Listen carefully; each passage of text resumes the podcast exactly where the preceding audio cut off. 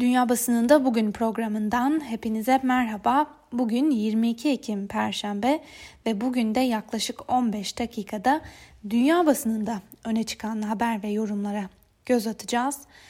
Bültenimize Amerikan basınının e, öne çıkan başlıklarıyla başlayalım. ABD'de yayınlanan New York Times gazetesi dün önemli bir iddia ortaya atmıştı. Buna göre Çin ve ABD arasında ticaret savaşı başlatan Donald Trump bir Çin bankasında hesabı olduğunu kabul etti. Trump'ın sözcüsü ise hesabın Asya'daki otelcilik işleri potansiyelini keşfetmek için açıldığını söylerken Trump'a ait bu hesaplardan 2013 ve 2015 yıllarında Çin'e vergi ödendiği belirtiliyor. New York Times'ın bugün gündemine oturan haberlerden biri de yaklaşan seçimlere müdahale girişimleriyle ilgili. Buna göre ABD istihbarat yetkilileri Rusya ve İran'ın seçime günler kala manipülasyon çabalarını arttırdıkları konusunda uyarıyorlar. Yetkililer iki ülkenin de ABD seçmen kayıt verilerini ele geçirdiğini ve Tahran'ın bu seçmenlere tehdit edici e-postalar göndermek için kullandığını söylüyor. Gazeteye göre bu müdahale 2016 yılında ABD seçimlerine müdahale eden Rusya'nın kullandığı taktiklerin diğer ülkeler tarafından ne kadar e, kolayca benimsendiğini de gösteriyor. Washington Post'un e, da gündemine taşıdığı bu habere göre ABD hükümeti demokratlara tehdit içerikli e-maillerin arkasında İran'ın olduğu sonucuna vardı. Trump bu tehdidi küçümsüyor olsa bile ABD'li yetkililer Rusya ve İran'ın seçim müdahalelerini önlemek için büyük bir çaba sarf ediyorlar. Bunun dışında bu akşam yapılacak başkanlık tartışmasına saatler kala taraflar bu akşamki canlı yayın tartışması için hazırlanmaya başladılar. Gözler kulaklar salgının etkisiyle yeniden şekillenen seçim sürecinde ve tartışmada olacak. Peki Trump ve Biden son başkanlık tartışmasına nasıl hazırlanıyorlar? New York Times'a göre başkanın danışmanları onun ülke için olumlu bir vizyon sunmasını isterken Joe Biden'ın ekibi ise başkan adayını çirkin saldırılara hazırlıyorlar. Ve Washington Post'un bu konudaki bir değerlendirmesine göre de adaylar çok farklı kampanyalar yürütüyorlar. Trump övgüyü hedefliyor. Kendisi büyük kalabalıkları kampanyası için önemli bir ivme kaynağı olarak görürken Joe Biden ise güvenli bir seçim imkanı sunmanın seçmenler için daha ilgi çekici bir faktör olduğunu düşünerek buna odaklanmayı tercih ediyor. ABD seçimlerinde senato yarışına ilişkin bir haberle devam edelim. ABD'de senato anayasa uyarınca federal yasaların kabul edilmesi ve başkanın atacağı adımların şekillenmesi sürecinde önemli bir rol oynuyor. 3 Kasım seçimleri içinde e, Cumhuriyetçiler senatoda 47'ye karşı 53 senatörle sahip oldukları avantajı korumak Demokratlar ise temsilciler meclisinde olduğu gibi senatoda da kontrolün kendilerinde olmasını amaçlıyor. Ve Voice of America'nın bu konudaki haberine göre Cumhuriyetçiler Anayasa Mahkemesi'ne yeni üye atanmasına ilişkin tartışmanın Senatoda sahip oldukları çoğunluğun korunmasına yönelik seçmen desteği arttırmasını umuyor. Ancak 2018 yılındaki kongre seçimlerinde demokratlara puan kazandıran ve herkese hesaplı sağlık sigortası imkanı veren sağlık sigortası tartışmasının demokratların konumunu güçlendirebileceği de belirtiliyor haberde. Sıradaki haberimize geçelim. Cumhuriyetçiler tarafından Senato'ya sunulan 500 milyar dolarlık koronavirüsü yardım paketi Demokrat Parti engeline takıldı. Çünkü demokratlar son aylarda 2.2 trilyon dolarlık bir yardım paketini kabul ettirmeye çalışıyorlar. Ancak demokratların istediği bu daha geniş kapsamlı e, pakete Senato'daki muhafazakar cumhuriyetçiler karşı çıkıyor. Bu arada hem Washington Post'un hem de New York Times'ın gündemine oturan bir haber vardı. Dün aktarmıştık. O da şuydu. Senato'da çoğunlukta olan Cumhuriyetçilerin lideri Mitch McConnell paketi seçimlerden önce geçirmek istemediğini söylemiş ve Beyaz Saray'ı da buna karşı uyardığını açıklamıştı. Ancak biliyoruz ki aslında Donald Trump son dönemde özellikle de bir seçim kampanyası olarak yeni bir yardım paketi için harekete geçilmesini istemişti. İngiliz BBC bugün ABD başkanlık seçimleri doları nasıl etkiler başlıklı bir haber paylaşmış. Buna göre ABD'nin döviz piyasası konusunda önde gelen veri analiz şirketlerinden biri olan Oanda'da yayımlanan bir analizde tarihsel olarak seçimlerin sonucunun belirlenmesinin dolar üzerinde yukarı yönlü bir etki yarattığı vurgulandı. 2020 seçimlerinin de doların seyri üzerinde önemli bir etki yaratmasının beklendiği ve bunun iki nedeni olduğu belirtiliyor.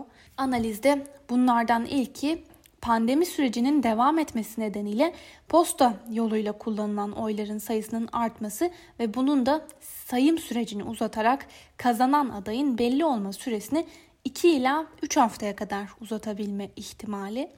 İkincisi ise Başkan Trump'ın Joe Biden'ın kazanması halinde sonuçları kabul etmemesi ve seçimlerin anayasal bir krize dönüşmesi yorumu yapıldı. Seçim sonrası belirsizliğin yarattığı bir diğer risk de ABD'nin kredi notunun olumsuz etkilenmesi. Türkiye'yi yakından ilgilendiren çok önemli bir haberle devam edelim. Reuters Erdoğan ve Türk lirası Biden riskiyle karşı karşıya başlıklı bir haber paylaştı. Reuters haber ajansı Joe Biden'ın ABD başkanı seçilmesi halinde Türkiye'nin en büyük kayba uğrayacak ülke gibi göründüğü yorumunda bulundu. Jonathan Spicer imzalı analizde şu ifadeler kullanılıyor.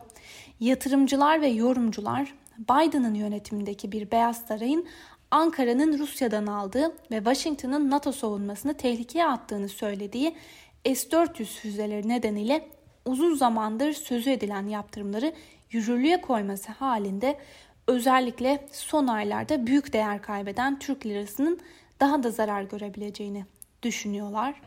Türkiye'nin kamu borçlanmasında yabancıların payı 5 yıl önce %25'ten fazlayken şu anda %3'e kadar düşmüş durumda.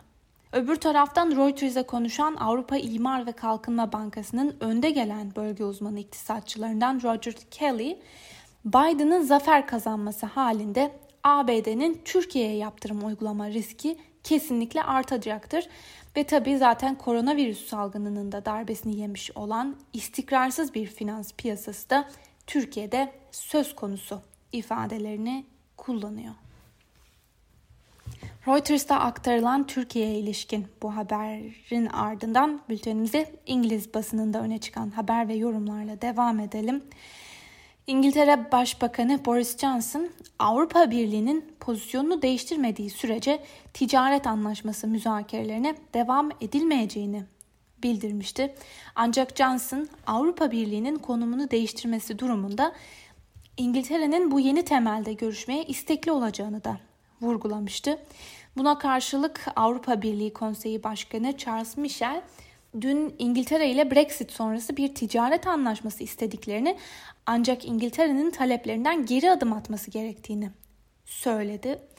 Eurotopics'in de bugün gündemine taşıdığı bu habere göre Daily Telegraph gazetesi iki tarafında kabul edebileceği bir anlaşmanın çerçevesini çizmiş. Gazete hala mümkün görünen uzlaşı şöyle işleyecek diyor.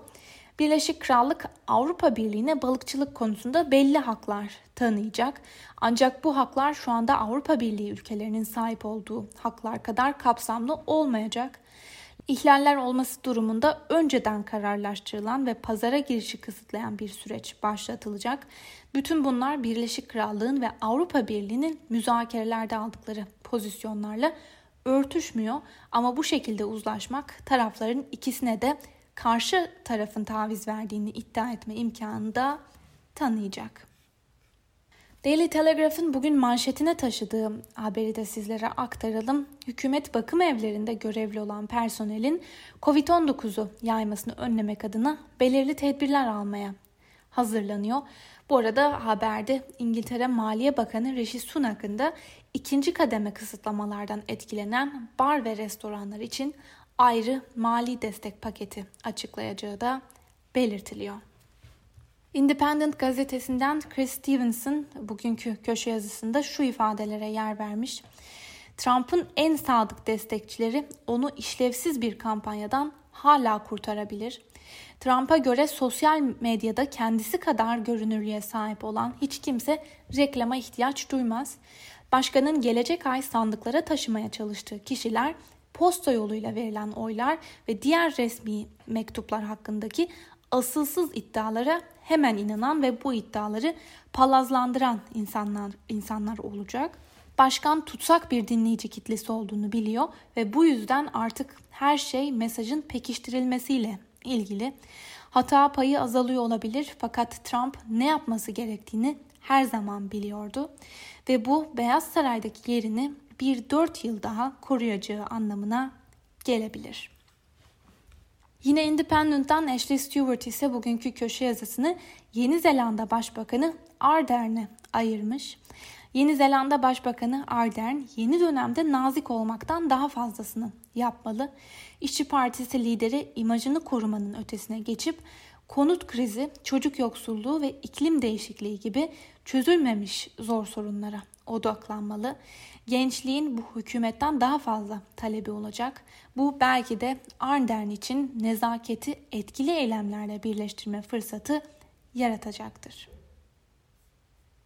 Deutsche Welle'nin gündeminde Almanya'da artan vaka sayıları var. Almanya'da pandeminin başından bu yana bir gün içindeki en yüksek vaka sayısı dün kaydedildi. Son 24 saat içinde koronavirüs taşıdığı tespit edilen kişilerin sayısı 11.287 olarak kayıtlara geçti. Öte yandan Almanya Sağlık Bakanı Jens Spahn'ın da koronavirüse yakalandığı açıklandı. Aktarılan bir diğer habere göre Almanya'da Bakanlar Kurulu istihbarat servislerinin WhatsApp yazışmalarını okumasına izin veren yasa taslağını bugün görüşecek. İspanyol El Pay gazetesinin gündeminde ülkede rekor seviyeye ulaşan vaka sayıları var. Buna göre İspanya'da koronavirüs tespit edilen kişi sayısının son 24 saatte yaklaşık 17 bin daha artmasıyla ülkedeki toplam vaka sayısı 1 milyonun üzerine çıktı. Son verilerle birlikte İspanya Avrupa'da 1 milyon eşiğini geçen ilk ve dünyada ise 6. ülke oldu. Daha önce ABD, Hindistan, Brezilya, Rusya ve Arjantin'de vaka sayıları 1 milyonun üzerine çıkmıştı. Bu arada haberde İspanya'da her 100 bin kişinin 323'ünün Covid-19'a yakalandığı da belirtilmiş. İsrail'e ilişkin bir haberle devam edelim. Geçtiğimiz hafta Euronews'ta aktarılan bir haberde İsrail Yüksek Mahkemesi önünde düzenlenen gösteride yüzlerce protestocu Başbakan Netanyahu'nun Almanya'dan denizaltı alımında yolsuzluk yaptığı iddiasının soruşturulmasını istedi. Protestocular Almanya ile 2 milyar dolarlık denizaltı anlaşması kapsamında Netanyahu'nun komisyon aldığını iddia ediyorlardı. Bugün İsrail basınına yansıyan haberlere göre İsrail Meclis Başkanı Yariv Levin'in Almanya'dan denizaltı alımında yolsuzluk yapıldığı iddialarının araştırılması için mecliste bir komisyon kurulmasının kabul edildiği oylamayı iptal etmesi ülkede tartışmalara neden oldu muhalefetten vekillerin oturumun yapıldığı salonu terk etmesinin ardından yoklama yapılarak bir oylama daha gerçekleştirildi. Ancak sadece hükümeti oluşturan partilerden üyelerin katıldığı bu oylamada yolsuzluk komisyonu kurulmasına ilişkin önerge 44 hayır oyuyla reddedildi. Bu kez muhalefet partileri bu iptal kararını yargıya taşımaya karar verdiler. Yerusalem Post gazetesinde aktarılan yorumlardan birine göre Netanyahu'nun diplomatik kaderi artık erken seçimlere bağlı değil. İsrail'li bir başbakan ile bir ABD başkanının diplomatik gündeminin Netanyahu ve Donald Trump'ınkiler kadar güçlü bir şekilde bağlantılı ve birbirine bağlı olması alışılmadık bir durum. Öbür taraftan İsrail'deki mevcut koalisyon anlaşmasına göre alternatif başbakan Benny Gantz Kasım 2021'de Netanyahu'nun görevini devralacak. Bütün bu gelişmeler gün geçtikçe erken seçim baskılarının artacağı anlamına da geliyor Yerusalem Post'un yorumuna göre. Öbür yandan hem Yerusalem Post'un gündemine oturan hem de İsrail Başbakanı Netanyahu'ya yakınlığıyla bilinen İsrail Halyom gazetesinin haberinde Birleşik Arap Emirlikleri ve Bahreyn'in İsrail ile yaptığı ilişkilerin normalleştirilmesi anlaşmalarından sonra Sudan'ın da bu sürece dahil olduğu belirtildi. Karar tarihi bir adım olarak da nitelendirilmiş haberde. Bültenimizin sonuna doğru yaklaşırken Moscow Times'ın gündemindeki bir haberi de sizlere aktaralım. Moscow Times'ın gündeminde artan vaka sayıları karşısında uzmanlardan gelen uyarılar var.